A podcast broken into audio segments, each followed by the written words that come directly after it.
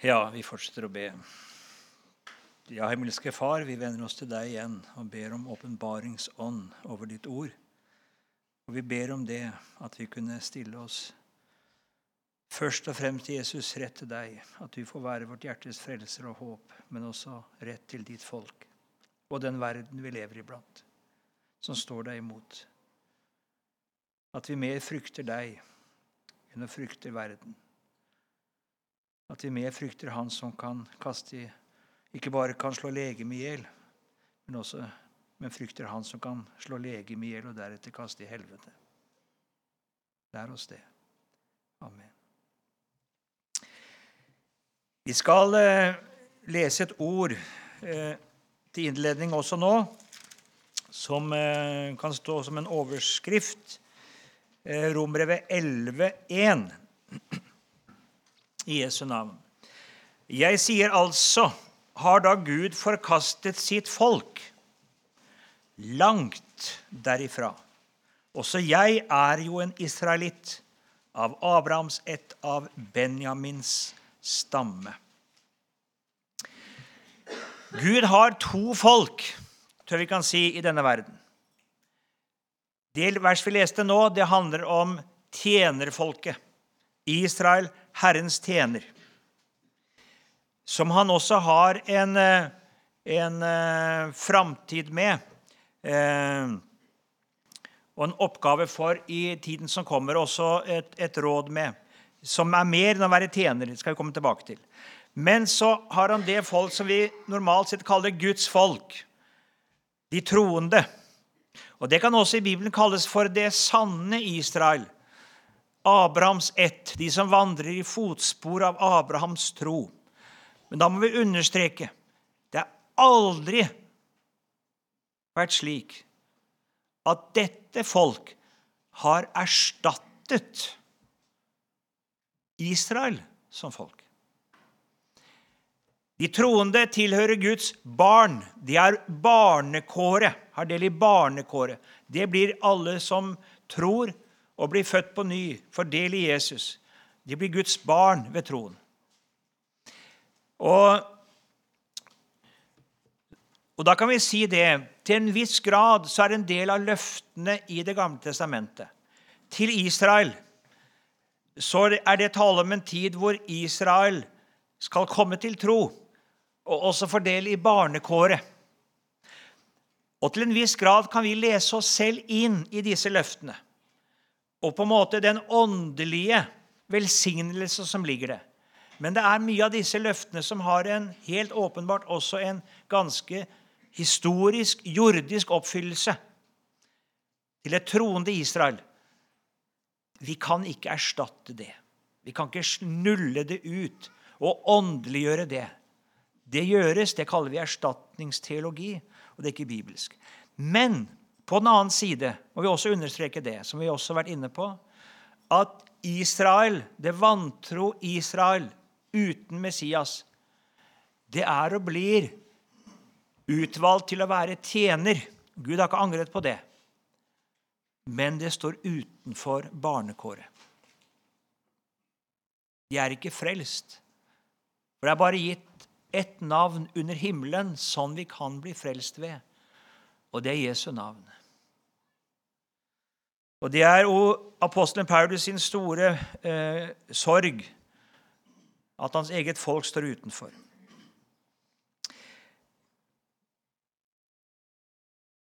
Men hva skal vi tenke om Israel da? Vi sa det, sluttet det i forrige time, at Israels utvelgelse som tjener de har fått sin oppfyllelse. Det forbildet er avløst av tingenes virkelige skikkelse. Yppersteprestens tjeneste, gudstjenesten Alt dette her har fått sin oppfyllelse. Har da også Israel utspilt sin rolle?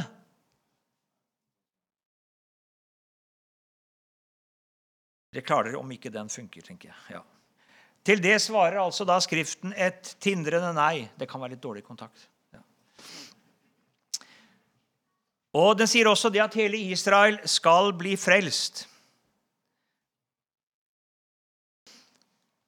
Det skal jeg komme tilbake til. Men først dette. Gud har fortsatt en oppgave til Israel. Israel er Guds tjener. Og den tjenesten Gud kalte Israels til, den er ikke fullendt. Vi sa det at det hadde to oppgaver. Det skulle åpenbare, og det skulle virkeliggjøre frelsen. Den siste oppgaven, å virkeliggjøre frelsen, er på mange måter fullendt ved Jesus Kristus. Men åpenbaringsoppgaven, tjenesten med å bringe Guds ord og frelsens evangelium til alle jordens slekter, det er ikke opphørt. Hver dag jeg leser denne boka, så kan jeg minne meg om det. Frelsen kommer fra jødene. Men ikke bare det. Men det er også slik at Israel skal ha en åpenbaringsoppgave, ikke minst i den siste tid, for verden. Lys skal utgå fra Sion, fra Jerusalem. Men når det gjelder de frelsesløftene vi møter til Israel, så er de alle sammen knyttet til Messias. Så mange som Guds løfter er. Ved ham har de fått sitt ja, og ved ham får de også sitt amen. Andre Korinterbrev. De skal alle oppfylles, men det er Israel med Messias som skal få oppleve det. Det er dypest sett Messias som er et lys for hedningefolkene. Og det er bare i kraft av han at også Israel kan være et lys for hedningefolkene. Ikke i kraft av seg selv. Og det er ikke et Israel uten Messias som skal få oppleve løftene, også som skal oppfylle løftene. Men det er Israel med Messias. For uten Messias så er Israel intet mer enn oss. Men når Israel omvender seg og blir frelst, fordeler barnekåret, da skal de også få oppleve at alle løftene går i oppfyllelse. Først og fremst til velsignelse for Israel selv, men også til velsignelse for alle jordens slekter. Det skal vi komme tilbake til på slutten av denne timen. Da skal Israel fullt ut fylle det kall Gud har gitt dem, og da skal de virkelig få oppleve hva det vil si å være Guds eiendomsfolk framfor alle andre folk. Et folk av konger og prester for Gud. Da skal vi ta en liten parentes. Vi skal se litt nå på jødenes historie fra Jesu tid og til i dag.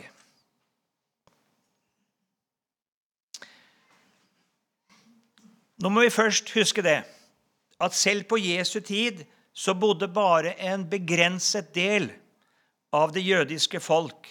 Og det er jo da bare én til to av stammene. Nå var det flere fra de ti andre stammene i nord som var bortført av Syria i 722, som hadde dratt over til Juda, som ville være ved tempeltjenesten og være trofaste mot Davids ett. Så de var jo representert. Paulus er jo av Benjamins stamme. Eh, og vi har andre som vi leser i Nyttestamentet, som er av Isakar, Naftali. Så vi, vi, de er der. Lev i stamme. Men, men, eh, men, det er altså allikevel bare et fåtall av det store Israel. Og selv blant jødene som ble bortført til Babylon 600 år før Kristus, i flere omganger, så er det bare noen få som vender tilbake. Og På Jesu tid så er det slik at jeg vet ikke hvor mange vi vet at det var ca. 6 millioner jøder i Romerriket. Romerriket besto av en befolkning på ca. 60 millioner mennesker. 10% er jøder. I Alexandria i Egypt så er en tredjepart av befolkningen jøder. Og det bor jøder spredt i hele Lille-Asia, i Italia, eh, i Hellas, i Makedonia det bor jøder spredt i Babylon eh, og rundt omkring. I dagens Irak, altså. Eh, så det bor jøder spredt over hele området. Nord-Afrika.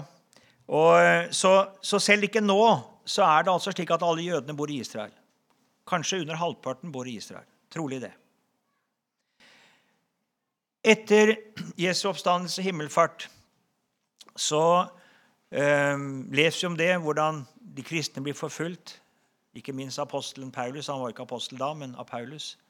Eh, og, eh, og samtidig så Det blir på en måte mer og mer kritisk i Israel. Den politiske situasjonen, den åndelige situasjonen, den på en måte det, det blir mer og mer spent. Og så får vi to store jødiske opprør. Vi får først den jødiske krig på 60-tallet, og som da avsluttes omkring år 70. Faktisk litt senere for det som har vært på Masada. En liten jødisk gruppering som holdt ut på Masada enda en stund. Men det jødiske opprøret der det eh, blir jo slått knallhardt ned. Tempelet blir revet ned av den romerske keiser og hans soldater. Eh, og, og jøder blir slaktet ned i titusentall. Du kan lese eh, Han eh, står Jeg skal notere alt, vet du. Eh, Josefus, Den jødiske krig. En utrolig interessant bok å lese om denne tida her. Eh, han var selv jøde, som gikk over til romerne, eh, og som skriver om denne krigen. Han skriver også mye interessant om Det gamle testamentet, men særlig lese denne krigen også veldig interessant. Eh, så går det en stund, så får vi et nytt opprør på 100-tallet. Eh, og Da er det en som de har Messias forhåpninger til. En som de kaller for Bar Kochba. Det er arameisk og betyr 'stjernesønnen'. Som da på en måte en, en, De tenker at han kan være Messias. Og Da slår romerne igjen ned dette opprøret med knallhard hånd. Og nå er romerne så forbitret på jødene at de vil utslette alt jødisk. Ethvert navn, enhver tilknytning til historien. Så de endrer navnet på landet. Det skal ikke lenger hete Judea, som det heter ned på den tida. Provinsen Judea skal ikke hete det. Det skal hete det som Israels hovedfiende var i Gammeltestamentet. Det skal hete Filistea, etter filistrene. Filistrene er ute av historien for lenge siden. Men de, romerne tar de altså dette navnet, Filistea.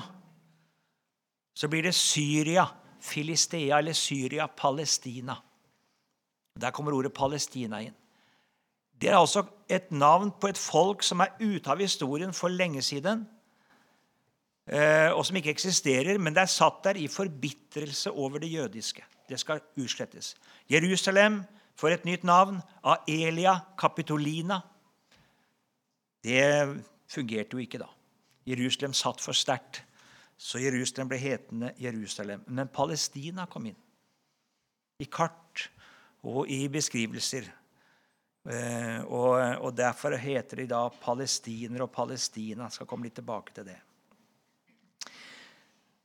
Det ble boende jøder. Selv om de fleste ble fordrevet og drept, så ble det boende jøder i Israel også på denne tiden her. Eh, det var en liten ministat i Galilea. Det høye råd oppstår i Jerusalem. Og det er religiøse eh, studier. Den jødiske Talmud Vi har to versjoner av den. Én fra Babylon. Den er senere, fra 500. Og så har vi én fra, eh, fra Israel, fra Jerusalem, og som da er fra 300-400 etter Kristus. Hvor de samler altså rabbinernes muntlige tradisjon og lager sin Talmud. Eh, så det var altså jødiske miljø i Israel også i denne tiden. 324 så går vi over i det vi kaller bysantisk tid. Det er keiser Konstantin som gjør Romerriket til et kristent rike. Eh, hvor mye han var kristen, det kan vi diskutere, men iallfall så, så er det hans kone da som reiser ned til Israel. Og, og hun eh, setter jo, bestemmer at det der var bergpreken bergprekenunderet, så der bygger vi en kirke. Og der var det, og så bygges det kirker. Eh, der hun til dels kanskje ut ifra å samtale med mennesker på stedet, dels nok litt mer tilfeldig. Det dårligste valget er nok Tabor. Jesus gikk opp med disiplene på et høyt fjell, står det. Og Rett før så står det at han er i Cesarea Filippi ved foten av Hermonfjellet. Og Hermon er et høyt fjell. Det er litt langt opp dit. det er litt greier å ha det litt nærmere Kapernaum og Nasaret. og sånn, så Tabor er en sånn høyde da mellom Nasaret og ned, på vei ned mot uh, Gnesaretsjøen. En liten kolle. Ikke noe høyt fjell. Det var en romersk forlegning der på den uh, tiden, som, uh, så det er nok ikke trolig at Jesus tok med seg disiplene opp dit. Men det, var, det er litt av denne keiserinnens valg. Eh, og det fulgte med jødeforfølgelse. Jeg har lyst til å si det, Den kristne kirke gjennom historien den ga jødene skylden for å ha drept Jesus. Og så skulle man på en måte mente seg nesten med rette å kunne hevne det og forfølge jøder og drepe dem. Og mange jødiske synagoger ble brent under, under bysantisk tid. Og jøder ble forsøkt tvangskristnet. Og mange flyktet, men en del ble også igjen.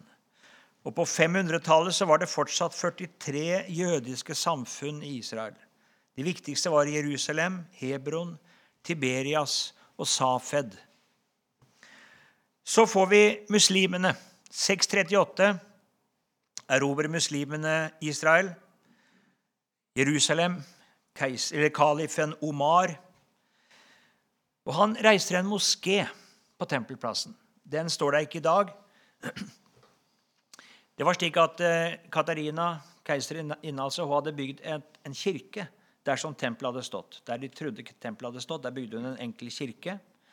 Eh, og Den river jo da Omar, og så bygger han en moské der. Eh, Seinere blir denne også moskeen revet.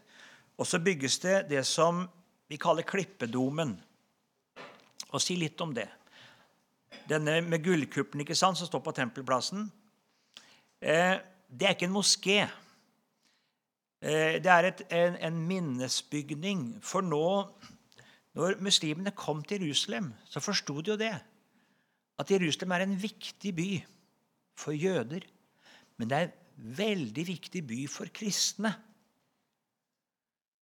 Og slik som Muhammed hadde, han hadde sikkert blitt tatt for plagiat i dag, for han har klippet og limt både fra Gamle- og Nytestamentet eh, og laget sin Koranen.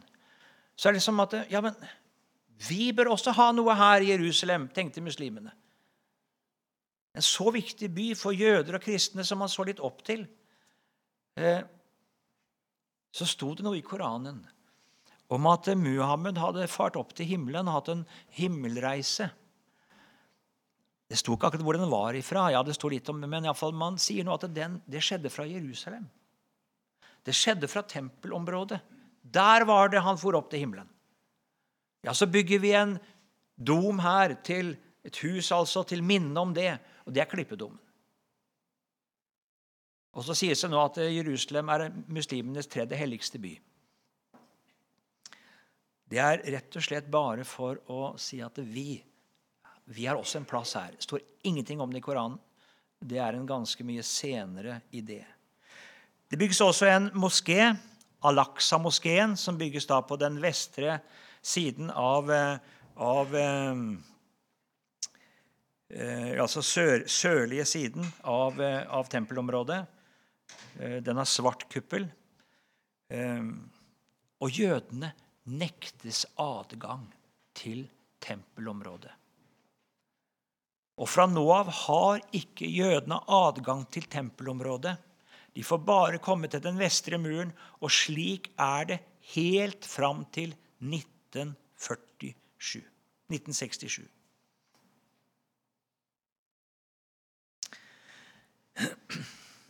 Tenk det. Deres på en måte helligste sted. De har et forhold til det som, ikke, som jeg kanskje er litt fremmede for, men for dem her som ofring hadde skjedd, her som tempelet hadde stått, vi fikk ikke adgang. Bare til på en måte en, en mur til selve liksom høyden. Tempelet er borte. Nå står, det, nå står, det, en klippedom der og en moské oppå der, og de har ikke adgang. I 1099 så er det en pave som får idé om å ha korstog. Det er et fryktelig forfall i den katolske kirke. Det er, det er, Pavestolen er preget av hor av skjøger med barn med paver, og de skal ha sine. og det er Hva gjør du da når alt på en måte, det begynner å komme røster også som sier at det, det trengs på en måte en virkelig restaurasjon? Når du har indre fiender, da lager du en ytre. Så lager man korstog for å få fokus vekk fra det indre forfallet, og man skal nå gjenerobre det hellige land. Man tar gjerne en sving oppom, eh, oppom Konstantinopel på veien, eller Bysants, for det er jo den østromerske keiser, eller Østromerriket og den østlige kristne, så kan man kjempe litt mot de på veien. Det var mye politikk her inne i bildet. Og man går fram når man kommer til Israel med en fryktelig nedslakting, ikke minst av jøder. Jødene, altså De kristne gikk verre fram mot jødene enn muslimene hadde gjort, og slakter ned. Det varer i 200 år ca. I 1291 faller den siste korsfarerborgen, og det er muslimene som overtar igjen. Samtidig så skjer det en voldsom tilstramning i Europa for jøder. Bare si litt om det. Jødene i Europa, jødene blir spredt utover i hele Europa. Det er noe altså som, som på en måte, De flyktet jo fra Jerusalem og Israel. Men de flykter også fra Romerrikets forskjellige deler. Og, og, etter hvert så er det jøder spredt overalt eh, i Europa. I Øst-Europa og Vest-Europa så er det jøder. Og det er ofte slik at når et land har det vanskelig med økonomien, så henter man jøder. For jødene var De hadde jo ikke lov I, i deler av Romerrikets historie så hadde ikke jøder lov til å eie jord. De var nektet å eie jord. Hva kan du drive med da? Et folk som er vant til å drive med jordbruk, med sauer og med storfe, kan ikke det. Og så har de opplevd stadig forfølgelse. Hva skal du drive med da? Du må kunne ta med deg det du eier og har, i noe ganske lett fraktbart. Da kan du drive med finanser, du kan drive med bank, du kan drive som gullsmed. Du kan drive med altså sånne ting som du på en måte kan lett få verdiene i gull, i, i smykker, og kan ta med deg. Og Det er da opphavet på en måte til tanken om den veldig griske. Mange av de var pengeutlånere, mange av de drev som gullsmeder. Men det var det de kunne drive med og ikke risikere at de satt på bar bakke. Og de var flinke. De fikk ofte finanser på fote. De fikk inn, og de drev bank, og de fikk hjalp et land. De var så dyktige at de også ble rike og ble mektige. Og da, ble, da kom misunnelsen. Ut med dere. Det var Europas måte, og det kristne Europas måte å behandle jøder på. Hentet dem når de trengte hjelp til å få økonomien på fote. Og når de var på fote, og disse hadde også da selv blitt rike. Ut. Og Sånn ble de kasteballer i Europa. Og Da begynner noen å vende tilbake til Israel. I 1291 så kommer vi inn i det vi kaller for mamelukktiden. Mamelukkene det var tyrkere som hadde vært, eh, vært eh, den egyptiske sultanens livvakt. Man henter gjerne livvakt fra et annet folk så man skulle, Det er litt sånn splitt og hersk. Man ville ikke ha sine egne, for de kunne skape opprør. Så henter man en livvakt utenfra. Bare si som en parentes eh, Israelske konger i historien de hentet kretere og filistere som livvakter. Og det heter da kreti og pleti. Har du hørt om det? Kreti og pleti, det er kretere og filistere. Det var livvakten eh, i Jerusalem. Den besto av kreti og pleti. Kretere og filistere. Eh, Mamelukkene altså, det var da tyrkiske slaver som da var livvakt i Egypt. Men de gjør opprør. Tar makten og hersker fra Egypt til Syria fra 1250 til 1517. Og nå blir Israel regjert enten fra Damaskus i Syria eller fra Kairo i Egypt. Men ingen er interessert i Israel. Det er et helt uinteressant land. Det ligger brakk. Det er sump, og det er ørken. Og det er ingen som bor der, nesten. Og landet lir av vanstyre og forfall. Det er totalt utenfor interessen til noe folk. I den samme tid så blir situasjonen i Europa forverret.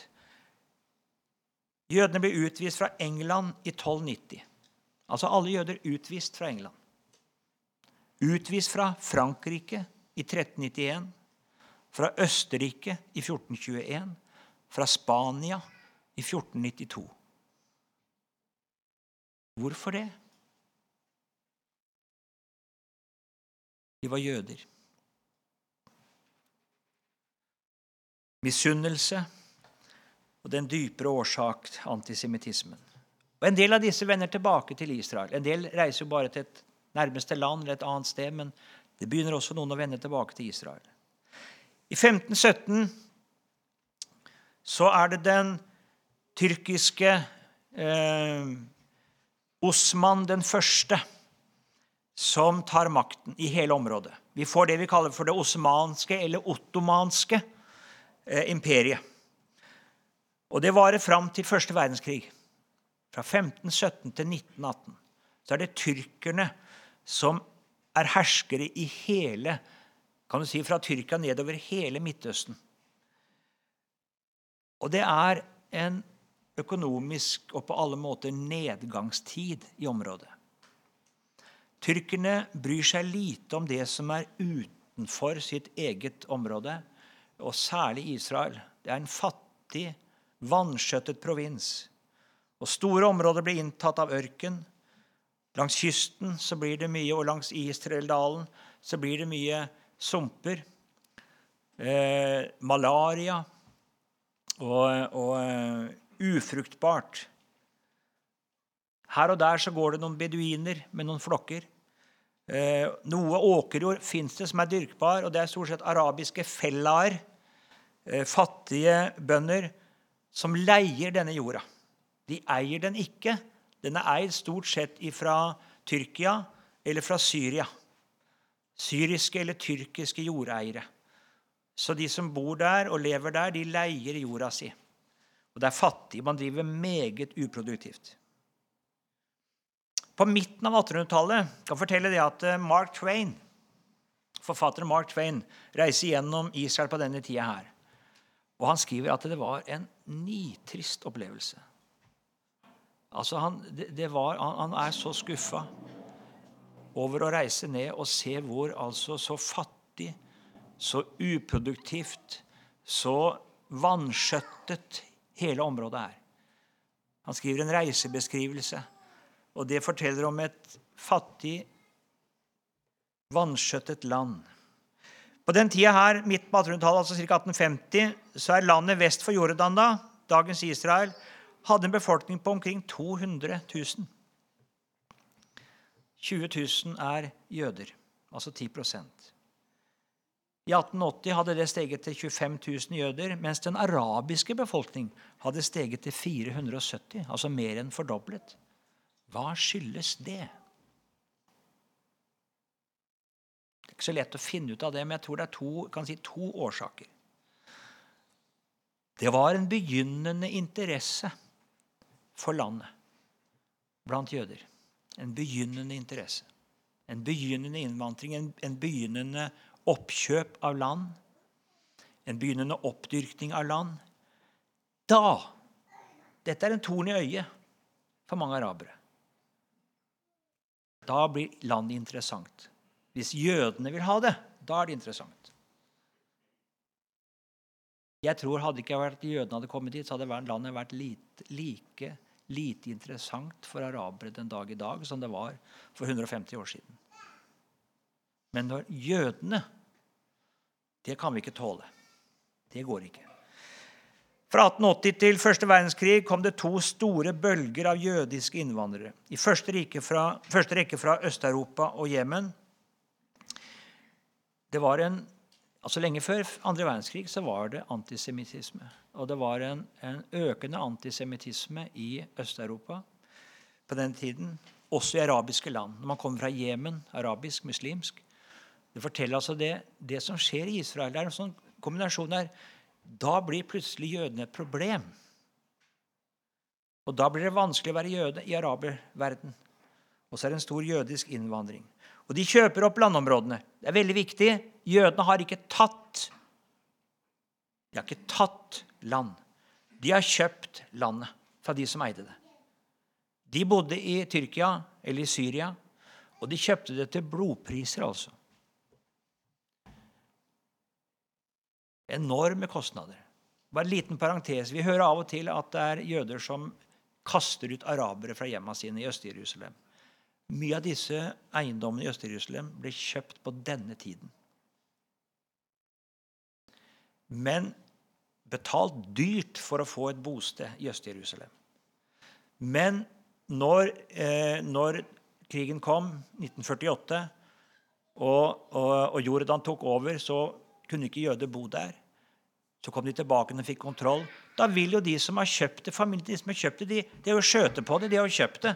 Men det er noen arabere som har tatt over bygningene og har bodd der. Og de sier at 'vi har bodd der bestandig', sier de. Ja, Men de har aldri eid det. De har vært husokkupanter i kanskje et par generasjoner. Så kommer de som har skjøtet på det, og sier at 'dette er vårt'. Dette har vi betalt. Vår bestefar kjøpte det. Nå vil vi bruke det. Da må jo leietakerne ut, må de ikke det? Som har bodd der gratis. Da er NRK der og FN der og sier at oi, dette er fryktelig. Dette er, dette er altså etnisk rensning. Er det det?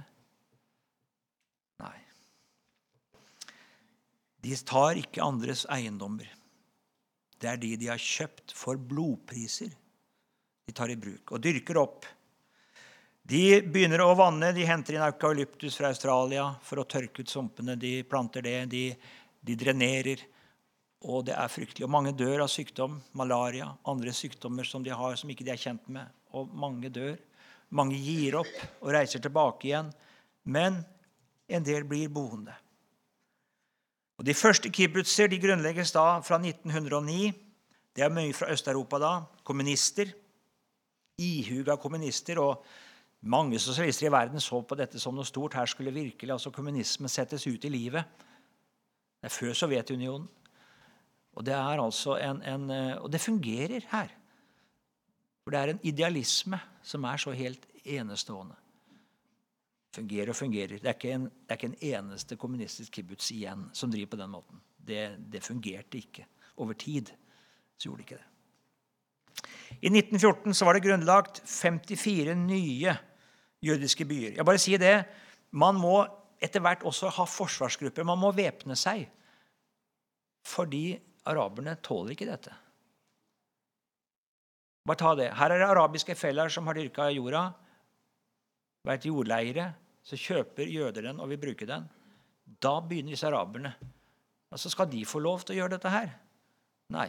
Dette, her har vi hatt våre flokker i alle år. ikke sant? Og så kommer noen og kjøper jorda til blodpris og vi dyrker den opp. Nei, vi skal ha den. Det er vår jord. Det er samme tankegang. Men det er noen som har kjøpt den, av de som før eide den. Og de blir angrepet, og de må lage forsvarsgrupper for å forsvare seg. Så selv på de første kibbutzene så må man ha altså vakttårn.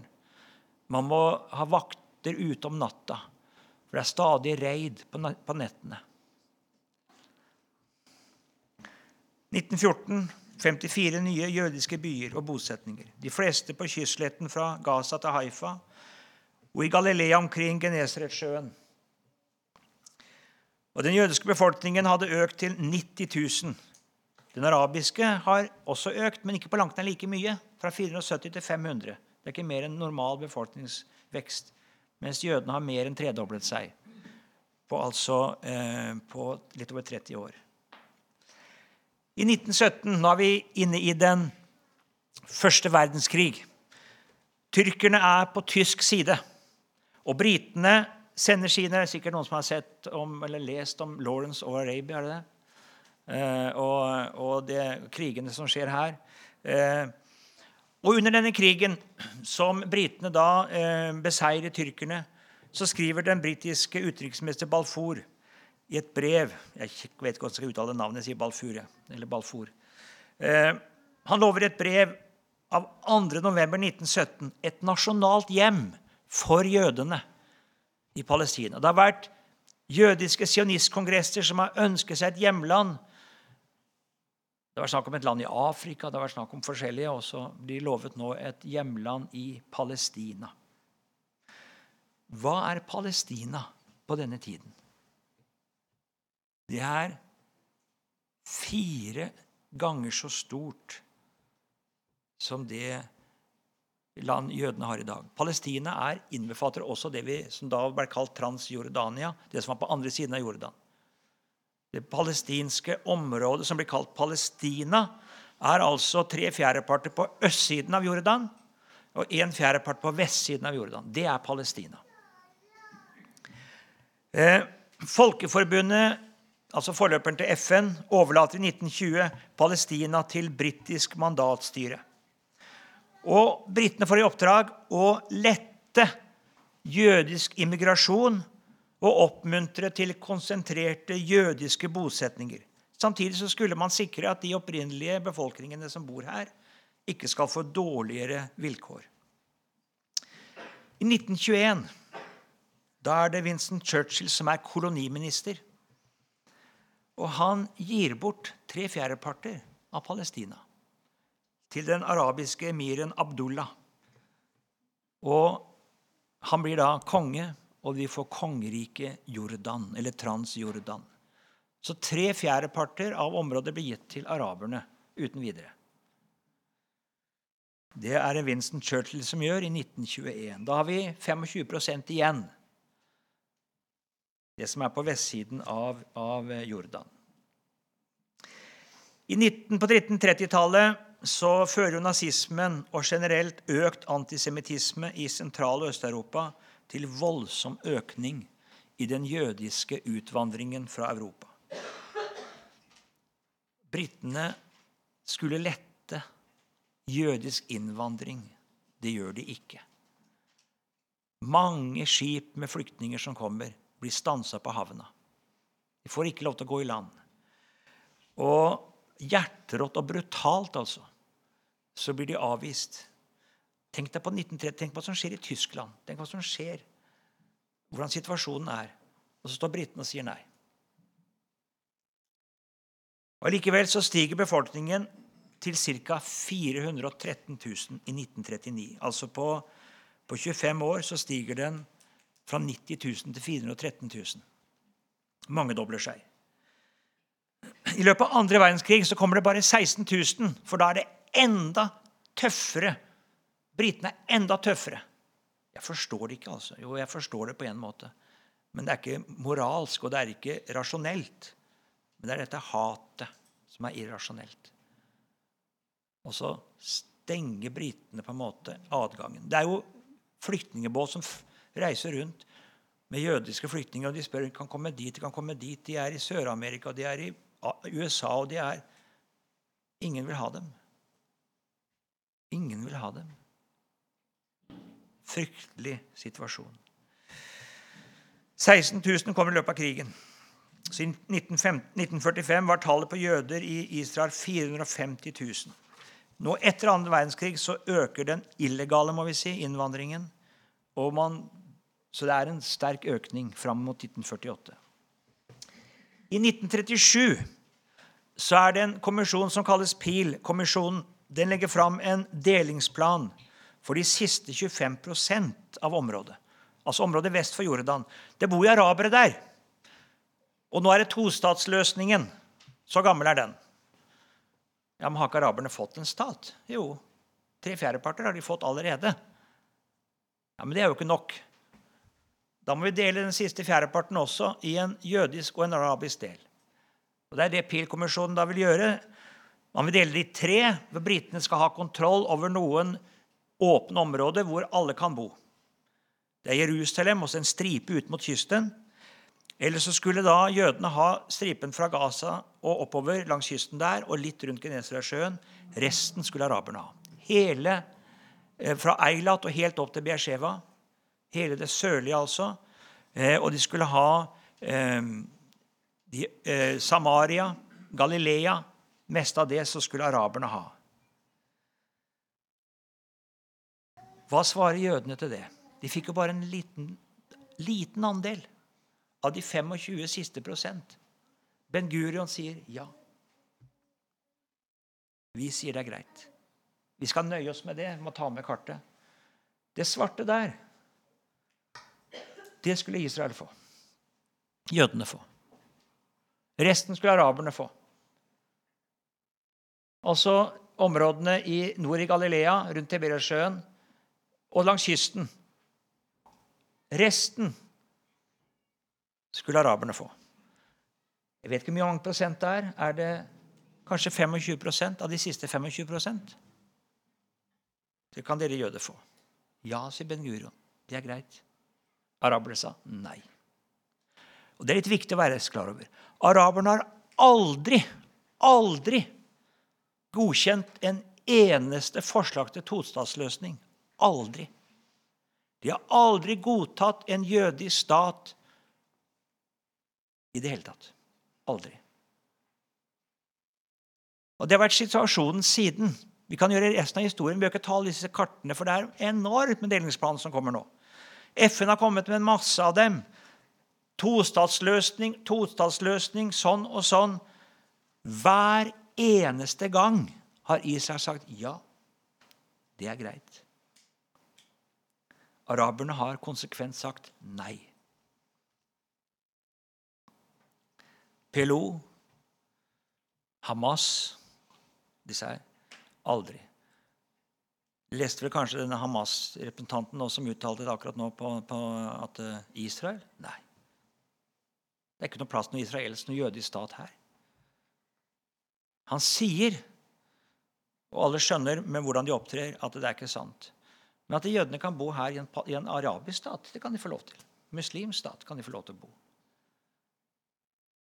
Som dimmi, som annenrangs. Under muslimsk sharialov skal de få lov til å bo. Uten adgang til tempel eller noen ting.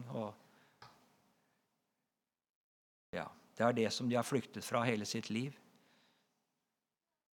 Det er det eneste de ja, Og jeg tror i realiteten så ville det blitt det ville vært ulevelig. Det er en umulighet. Men det er det eneste. Altså Araberne vil ikke gi en kvadratmeter, ikke en kvadratcentimeter til jøder. I tiden fram mot 1948 så kommer det nå stadig flere militære enheter. Fra Syria, fra Irak, fra Egypt, som begynner nå med nålestikksangrep mot jødiske bosettere. Nå, lover, nå, nå det, Dette skjer jo. Og britene Det er noen briter her, offiserer, som er vennlige mot jødene.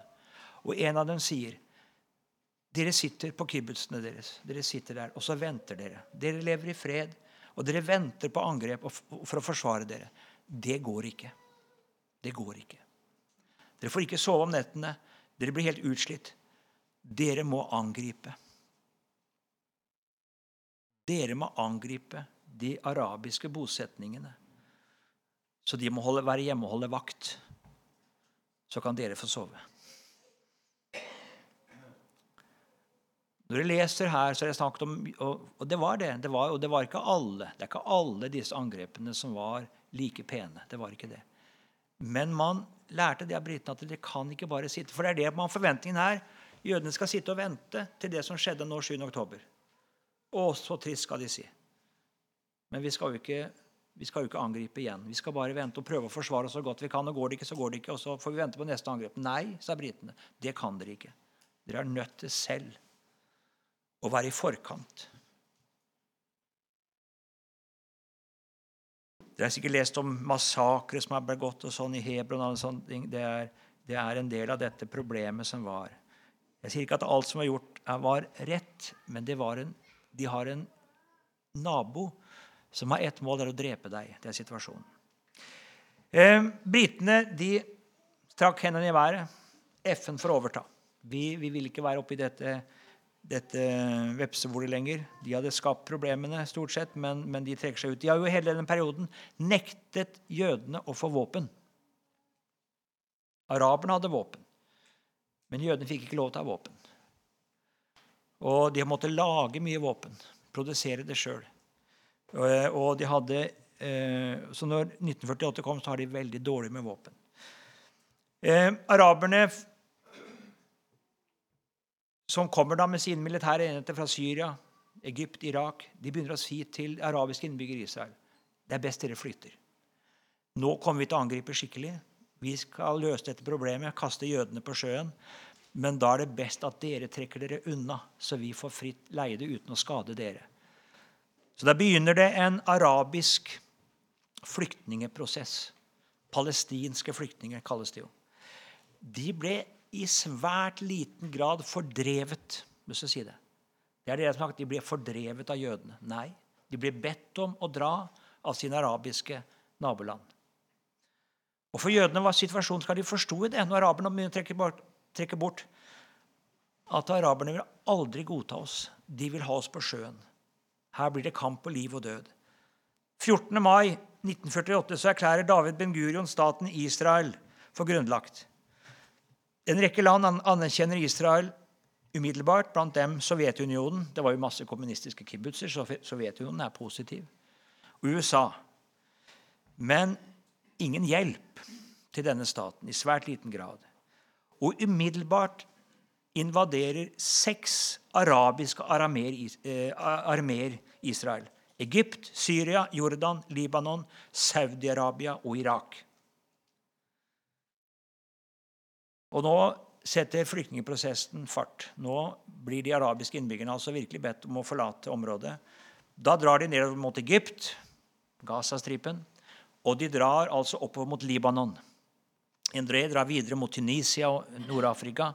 Eh, og omkring 650 000 arabere flyktet. Hva sa jødene? Bare bli. Dere skal få leve her. Og en del ble og lever der den dag i dag. Det er vel i hvert fall 1,5-2 millioner arabere i Israel i dag som lever i fred, har sine landsbyer, lever sine liv som israelske statsborgere. Men en del flyktet. De fleste flyktet.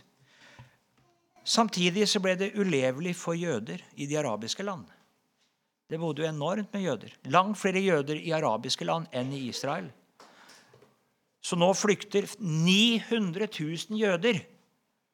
Har det vært snakk om at de skal få vende tilbake og få tilbake eiendommene sine og alt de måtte forlate? Ikke en stavelse om det.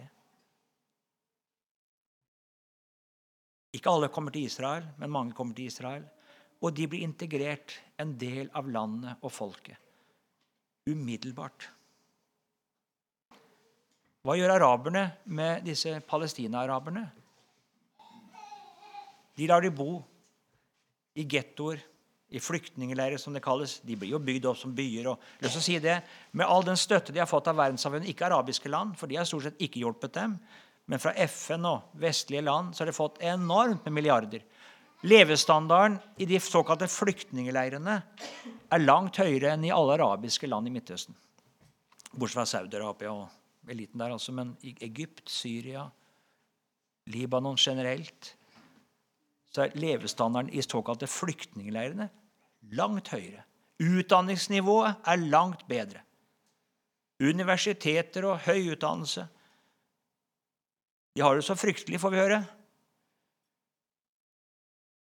Til tross for at de bruker de meste av de pengene for til å lage våpen, raketter og tunneler, så er levestandarden høyere enn alle deres arabiske naboer har.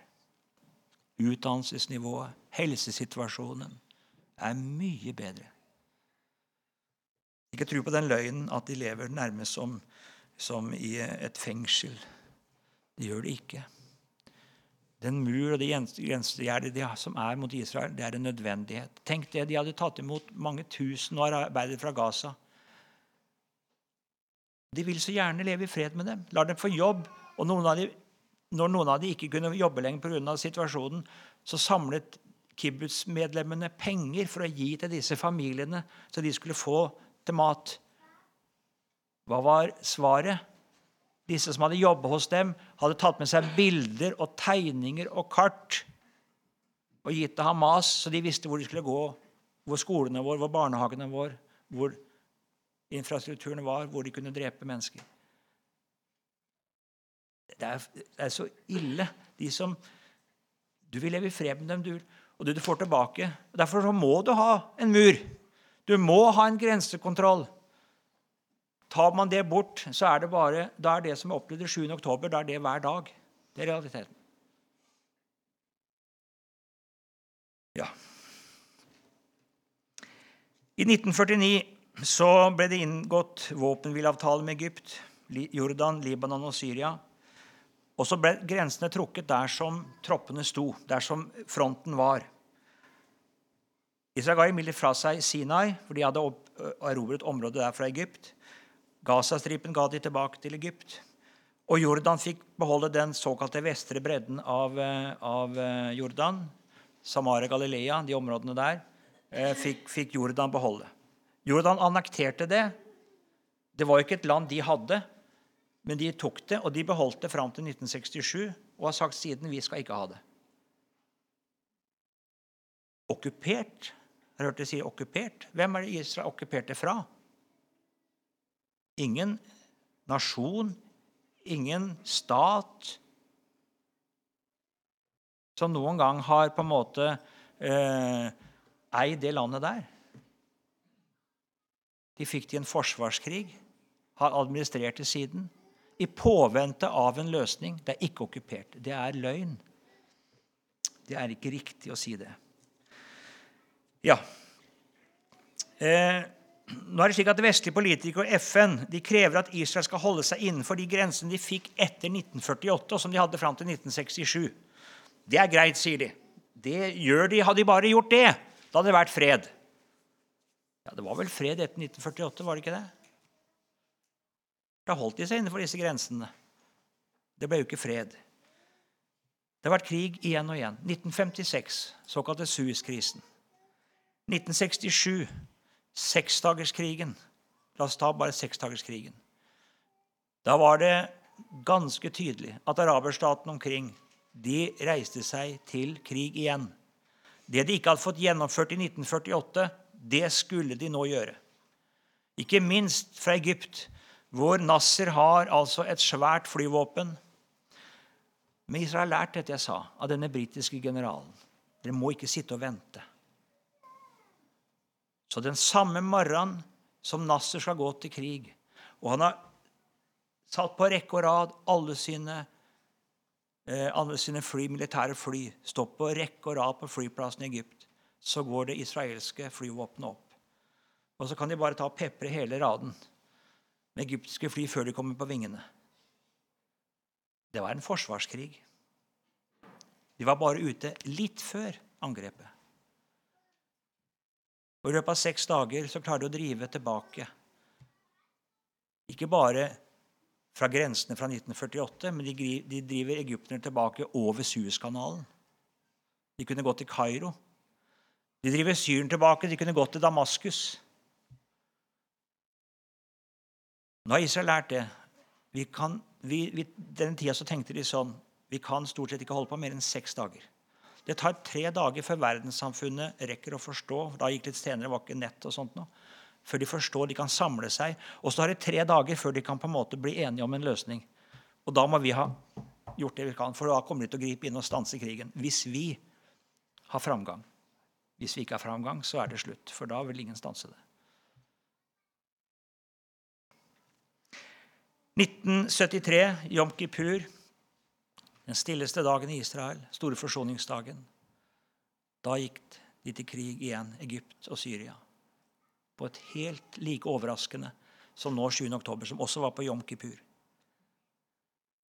Og Det er underfullt å høre om beretningen da. Men da også klarer de altså å drive tilbake. Eh, bare si litt om Syria. Eh, Israel fikk jo drevet Syria tilbake fra Golan. Oppe på Golan satt syriske soldater og kunne skyte på israelske bønder rett nedenfor. De satt høyt oppe, i høydene altså på Golan. Eller fiskere på Genesaretsjøen. De måtte kjøre altså med stålplater, altså armerte båter, for å, for å, kunne verne seg, de som var ute og fiske på Genesaretsjøen. De som var på jordene, måtte kjøre traktorer med svære stålplater for å hindre at de ble beskutt og drept det var hverdagen. Bønder, fiskere, de utgjorde vel en, en, en militær trussel mot syrerne? Gjorde de det? Mot arabere? Nei. Det har alltid vært slik at det sivile har vært helt lovlige mål for arabere. Men å forsvare seg mot dem, det er visst ikke lovlig. Nå har ISA fått kontroll, og de har fått det fredelig i nord på mange måter mot Syria. Eh, I 1982 så var det Libanon. Da måtte Israel gå inn. Det har vært PLO som har jo vært i Libanon. De ble kasta ut av Jordan. De var i Jordan, ble ut av Jordan. De kom til Libanon. Og så ble de kasta ut derifra. Arafat. Eh, og, og, fordi araberne vil heller ikke ha dem. De lager så mye kvalm også der de er. Eh, det som er saken, Verken altså PLO eller Hamas har noen gang anerkjent Israels rett til eksistens. Deres mål er ikke å skape en fri arabisk eller lyst til å kalle det arabisk. Det er ikke noe palestinsk folk, det er arabere. De har slektninger i Syria og i Egypt og i Tunisia. og i, Det er arabere, som alle andre arabere. De har en haug med stater allerede. Og den lille, lille landområdet det skal ikke jødene få ha. Vi skal ha det også. Det er realiteten.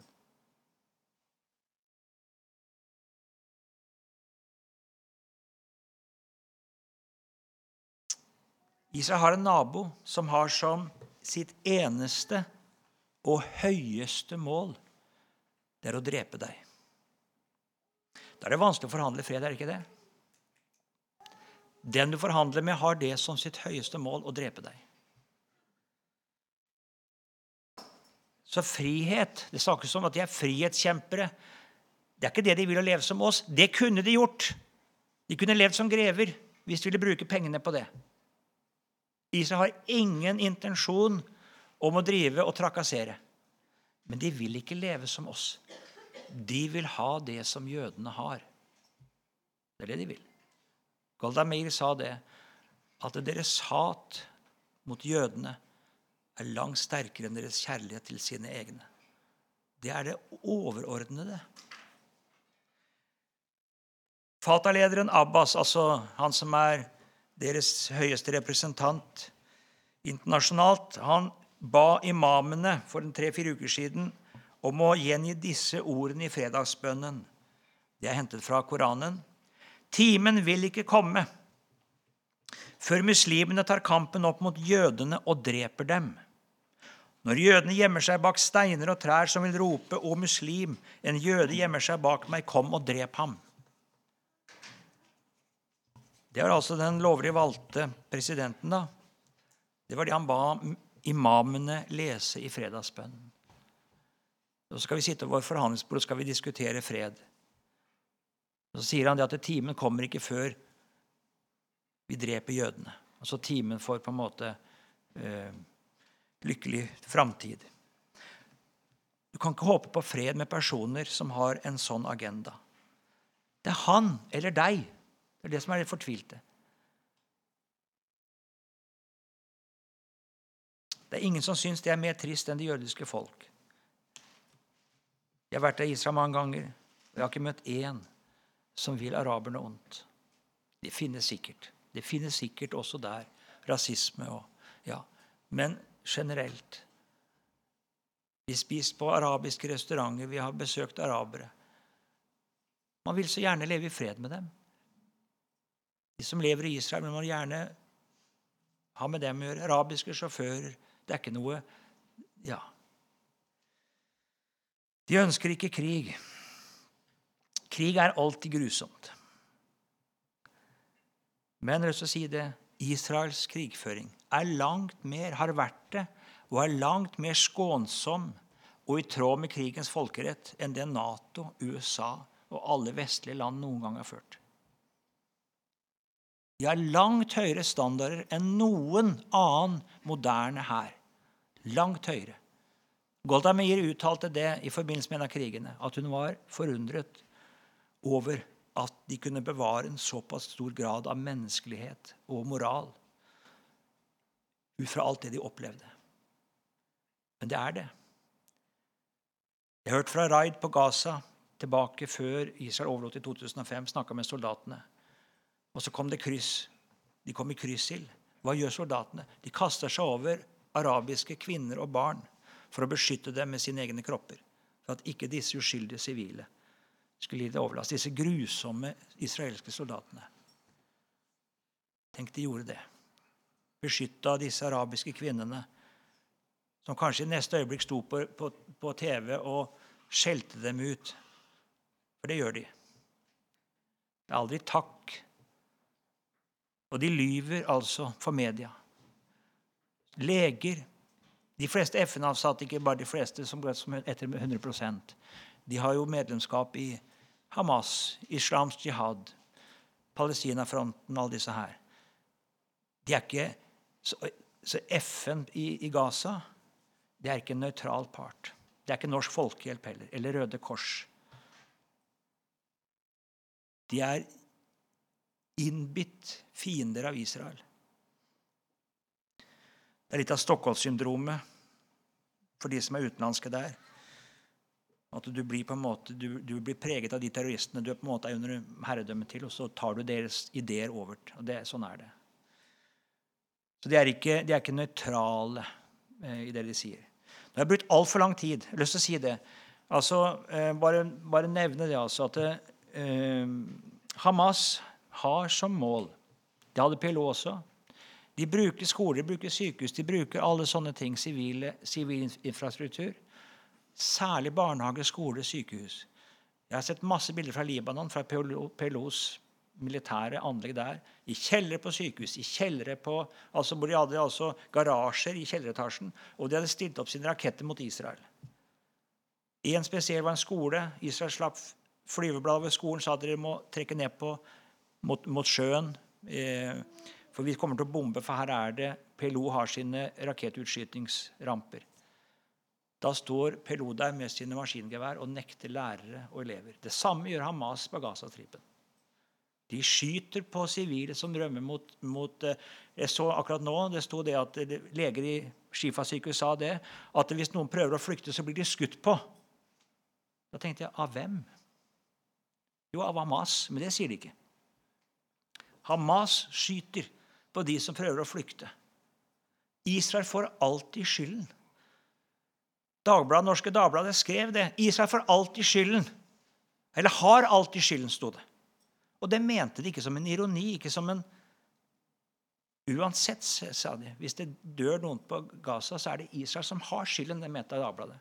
De er ansvarlige. Selv om det er Hamas som skyter dem, så er det Israels skyld. Sånn tenkes det. Det skriver en norsk avis, og det mener det 100% Det var den raketten som hadde truffet det andre sykehuset. Det spilte ikke en rolle om den kom fra islamsk jihad. Det var Israels skyld. Og Det mente Dagbladet. Og det er tankegangen. Israel går skånsomt fram. lyst til å si det. De får uansett skyld. De er syndebukken. Da skal vi avslutte. Oi, oi, oi. Jeg har holdt altfor lenge. Vi har sett i de 150 siste år at Herren etter sine løfter har begynt å hente sitt folk tilbake til Israels land. Det er det profeten Esekiel taler om. Kapittel 34 han henter dem tilbake. I kapittel 37 får vi høre om det, at han samler de døde ben ikke sant, i en dal der. Eller Gud samler dem. De nærmer seg til hverandre, ben inntil ben, og så blir det et legeme. Det er ikke tvil om at det er det vi har opplevd nå en samling. Og jeg ventet på det. Fortsatt er det mer jøder utenfor Israel enn i Israel. Hva skal til, har jeg tenkt. Jeg tror det vi opplever nå, er det som skulle til. Antisemittismen kommer til å øke, ikke minst i USA, hvor det bor fem millioner jøder. De kommer til å dras tilbake til Israel. Der er det mange som tenker det. altså Vi skal vise at vi er progressive, vi er på en måte, vi er, og vi er imot det som Israel gjør. Vi, man marsjerer og man skriver. ikke sant? Veldig mange i Israel, Betselem, mennesker Betselem i Israel, og ikke minst i USA, er det veldig mange som på en måte er veldig negative til det Israel gjør.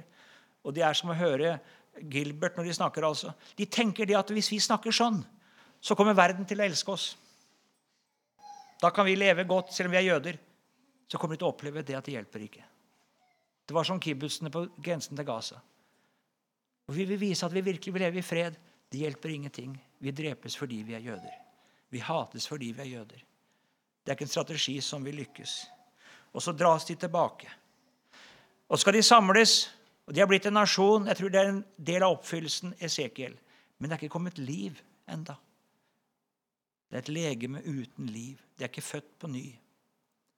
De har ikke blitt frelst. Det er det ikke. Uten Israel, uten Messias så er det verre med Israel og jødene noe annet folk. pga. det store lys som de har forkastet. Det er det Jesus sier i Matteus 11.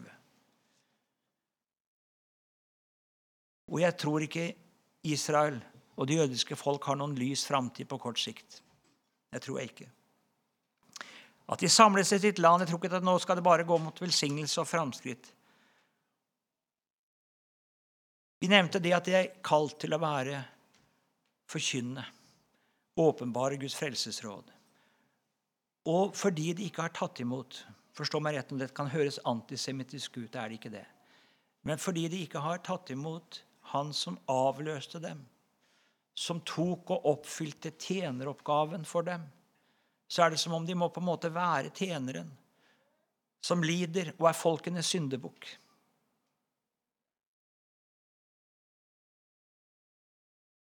Som må bære dette gjennom sin egen straff og pine. Lidelse og pine. Det er jo folkenes syndebukk. Vi sier det hver dag i media. Det er syndebukkene. Israel har skylden uansett. Sånn er det bare.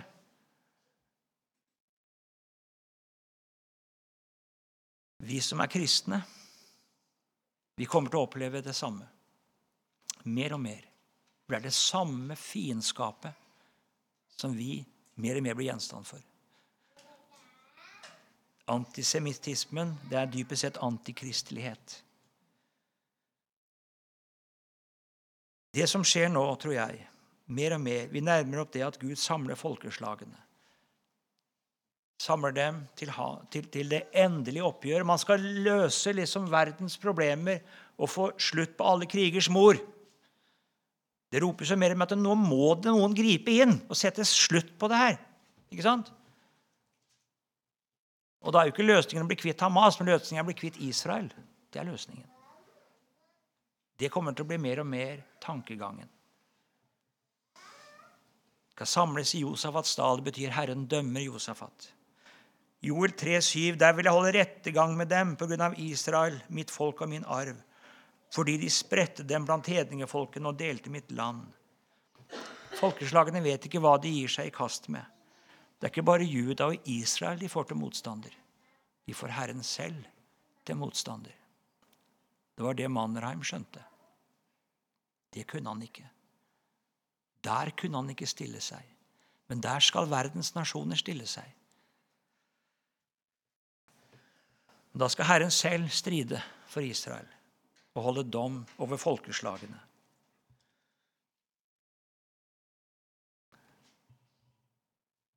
Og jeg tror, dette her, jeg tror, vi nærmer oss, jeg tror ikke dette har noe med det som kalles Gog-krigen. Jeg tror dette er det som heller kalles Har-Mageddon. Det skal, Israel komme i en fryktelig nød, og så skal de rope til Herren. Og så skal Det står sånn i 2. krønikebok 15,4 om en annen situasjon. I sin trengsel omvendte de seg til Herren, Israels Gud. De søkte ham, og han lot seg finne av dem. Det skal skje igjen. Jeg kan lese Zakaria 12. Jeg har ikke tid til det nå, for vi må gi oss. Zakaria 12 fra vers 2 til 10 kan dere lese. Der står det om det. Bønnens ånd skal Gud gi Israel. De skal se opp til han som de har gjennomstunget. Gråte sårt over ham. Jesu apostel de ventet for, på riket for Israel, en tid da Israel skulle innta en førerstilling blant folke, folkeslagene. Da lov skulle utgå fra Sion. De skjønner det, at det skjer ikke uten Messias. De sier, 'Gjenreiser du, du, gjenreiser du på den tid. Det er Jesus som må gjenreise dette riket.